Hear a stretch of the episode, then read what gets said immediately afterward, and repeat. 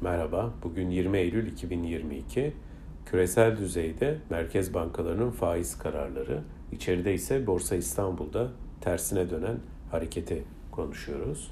Küresel düzeyde özellikle enflasyonun seyri merkez bankalarını faiz artırımı konusunda e, cesaretlendiriyor. Burada tabii ayrışan merkez bankaları da var. Bunların başında Çin Merkez Bankası geliyor. Çin'deki özellikle bu sıfır Covid vakası, politikası ve buna bağlı kapanmalar, sanayideki yavaşlama toplamda da özellikle büyüme trendinde aşağıya doğru bir dönüşün ortaya çıkmış olması Çin Merkez Bankası'nı enflasyondan ziyade büyüme odaklı bir politika eksenine girmesin konusunda teşvik ediyor. Türkiye Cumhuriyet Merkez Bankası açısından da geçtiğimiz ay bir faiz indirimi gördük. 14 puandan 13 puana indirdi. Bir hafta vadeli repo faizini Merkez Bankası. Bu haftaki toplantıda da genel beklenti 50 bas puan veya 100 bas puan civarında bir faiz indirimi yönünde. Benim de açıkçası beklentim özellikle yıl sonuna doğru tek haneye hareket eden bir politika faizini amaçladığını düşünüyorum Merkez Bankası'nın.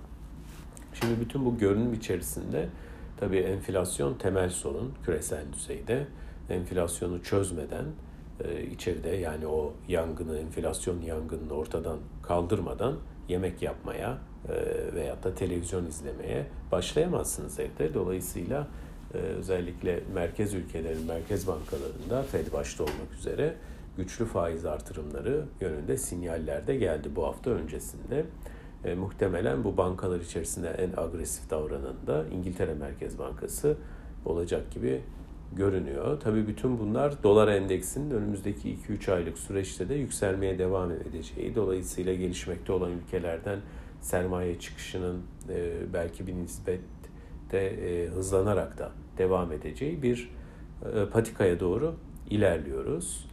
İçeride ise tabii seçim odaklı ekonomi politikası hali hazırda yürütülüyor ve bu politika ekseninde de daha ziyade genişlemeci e, bir e, para politikası e, yine genişlemeci maliye politikasıyla birlikte el ele yürüyorlar. Özellikle yıl sonuna doğru EYT ile ilgili yapılması planlanan adımlar, yine diğer transfer ödemeleri seçim sürecine giderken veyahut da yaklaşırken ortaya çıkabilecek harcamalarda hazinenin hem tabii ki KKM'yi de hatırlamak lazım. Bunlar hazinenin borçlanma gereğini artıracak ve öte yandan da emisyonda da ciddi artışa neden olabilecek unsurlar.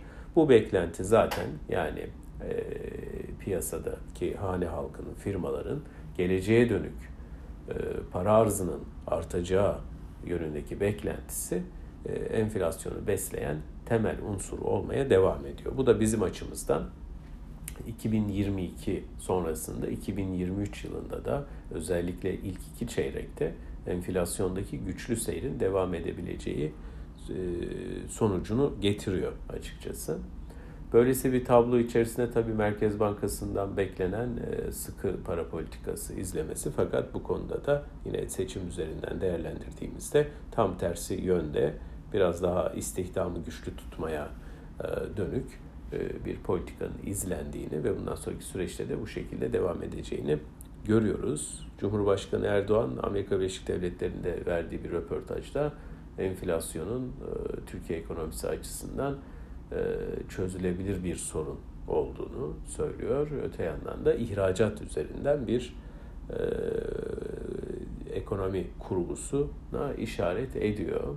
Tabii özellikle 2021 Eylül ayında Merkez Bankası'nın bu içine girdiği gevşek para politikası patikasının gerekçesi olarak e, bir şekilde cari fazlanın da verileceği konuşuluyordu. Fakat böyle bir durum olmadı. Rekor düzeyde cari açık ile karşı karşıya kaldı. Türkiye ekonomisi evet bir taraftan ihracat artıyor ama özellikle Rusya-Ukrayna savaşının da tetiklemiş olduğu enerji maliyetlerinde muazzam bir artış var. Öte yandan da Merkez Bankası'nın net rezervlerindeki erime e, ciddi anlamda da dövize olan ihtiyacı şiddetli hale getiriyor. Ve e, alınan çeşitli önlemler, örneğin kur korumalı mevduat gibi e, araçların da etkisinin geçici olarak ortaya çıktığını görüyoruz. Yine Borsa İstanbul'da özellikle bir yaklaşık 3 hafta boyunca üst üste 10-12 e, defa tavan gördüğümüz banka hisselerinde de artık o rüzgarın açığa satışla da karışarak birbirine girerek bir anlamda yani hem spot piyasada hem vadeli piyasada alım satımların birbirine karıştığı enteresan bir e, küçük çaplı kriz diyelim ortaya çıkmış durumda. Dün de aracı kurumlarla bu yönde e, ne yapılabileceği yani ne tip adımlar atılabileceğine dönük bir toplantı yapıldı ve toplantıdan da en azından şu ana kadar açıklanmış çok somut bir e, önlem görmüyoruz. Muhtemelen devre kesicilerin yine işlediği bir gün olacak. Tabii e, bu Türkiye ekonomisi açısından özellikle sermaye piyasalarının e, derinliğinin ne kadar düşük olduğunu hep konuşuyoruz. Onun da bir göstergesi henüz e, yapılaşmamış veyahut da yeteri kadar derinleşmemiş bir sermaye piyasalarının piyasasının yansıması olarak da e, bu hareketleri görebiliriz. Tabii bu bir anlamda geliyorum diyen eğer bu bir küçük çaplı kriz veyahut da bir kırılmaysa sermaye piyasaları yapısında Türkiye ekonomisi açısından e, bu bağıra bağıra geliyorum diyen bir kırılma veyahut da krizdi. Bunu da söylememiz lazım. Genel itibariyle böyle bir güne başlamış durumdayız. İyi günler.